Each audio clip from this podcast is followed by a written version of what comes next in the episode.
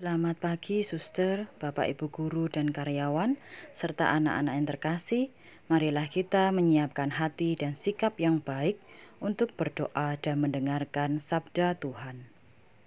Dalam nama Bapa dan Putra dan Roh Kudus. Amin. Puji dan syukur kami haturkan kepadamu, ya Bapa yang Maha Pengasih, atas anugerah hari dan hidup baru untuk kami nikmati pada hari ini. Semoga kami selalu melakukan kehendak dan rencanamu untuk melakukan segala yang baik dan apa pun yang kami lakukan pada hari ini menjadi persembahan terbaik bagimu. Amin.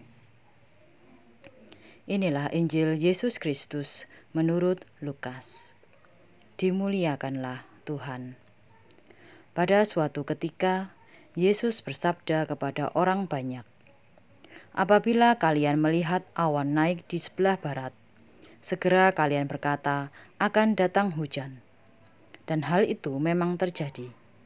Dan apabila kalian melihat angin selatan bertiup, kalian berkata, 'Hari akan panas terik.' Dan hal itu memang terjadi. Hai orang-orang munafik, Kalian tahu menilai gelagat bumi dan langit, tetapi mengapa tidak dapat menilai zaman ini?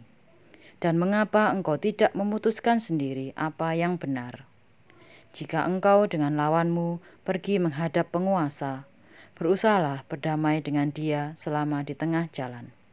Jangan sampai ia menyeret engkau kepada hakim, dan hakim menyerahkan engkau kepada pembantunya, dan pembantu itu melemparkan engkau ke dalam penjara. Aku berkata kepadamu, engkau takkan keluar dari sana sebelum melunasi hutangmu. Demikianlah Injil Tuhan. Terpujilah Kristus.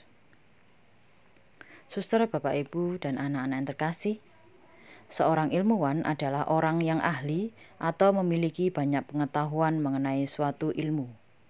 Karena keahliannya ini, para ilmuwan mampu melihat berbagai tanda di bumi misalnya memprediksi iklim atau cuaca, memprediksi keadaan ekonomi dalam kurun waktu lima tahun ke depan, dan sebagainya. Jika kita dapat memahami tentang apa pun yang berkenaan dengan situasi atau peristiwa yang ada di dunia, Tuhan pun menghendaki setiap orang percaya memiliki kepekaan rohani, yaitu peka terhadap tanda-tanda zaman. Ini berkaitan dengan kedatangan Kristus. Alkitab menyatakan bahwa kedatangan Kristus ditandai dengan banyaknya nabi-nabi palsu yang bermunculan dengan ajaran-ajaran mereka yang menyesatkan. Semakin bertambahnya kejahatan manusia dan semakin merosotnya moral manusia. Rasul Paulus menambahkan dalam 2 Timotius bab 3 ayat 1 sampai 4 Pada hari-hari terakhir akan datang masa yang sukar manusia akan mencintai dirinya sendiri dan menjadi hamba uang. Mereka akan membual dan menyombongkan diri. Mereka akan menjadi pemfitnah.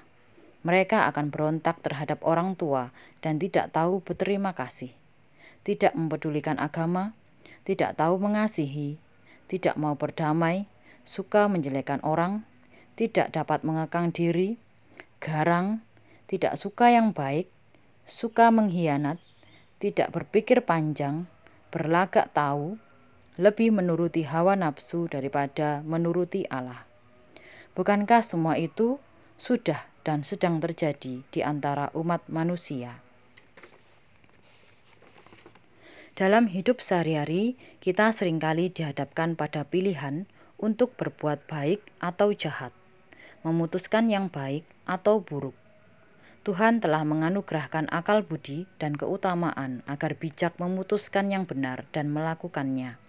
Contoh sederhana, misalnya memilih bangun pagi atau terlambat bangun, memilih belajar atau main game atau YouTube, memilih jujur atau berbohong. Misalnya, tidak ikut meet karena bangun kesiangan dan bilang saja wifi bermasalah, toh guru tidak tahu. Atau tugas terlambat mengumpulkan, dengan alasan sakit atau mati listrik, padahal lupa atau malas dan contoh-contoh lainnya. Di situlah kita dituntut untuk memilih mana yang benar. Sebagai refleksi kita hari ini, Berusahalah untuk selalu memilih yang benar, meskipun sulit, dan selalu tetap berjalan dalam kehendak Tuhan, karena kita tidak tahu kapan akhir zaman akan terjadi atau kapan kita akan kembali kepadanya selaku pemilik kehidupan. Marilah kita berdoa. Allah yang Maha Baik, ajarilah kami memahami kebaikan yang Engkau anugerahkan kepada kami. Mampukanlah kami untuk menjadi berkat bagi sesama dalam kehidupan kami sehari-hari. Amin. Dalam nama Bapa dan Putra dan Roh Kudus. Amin.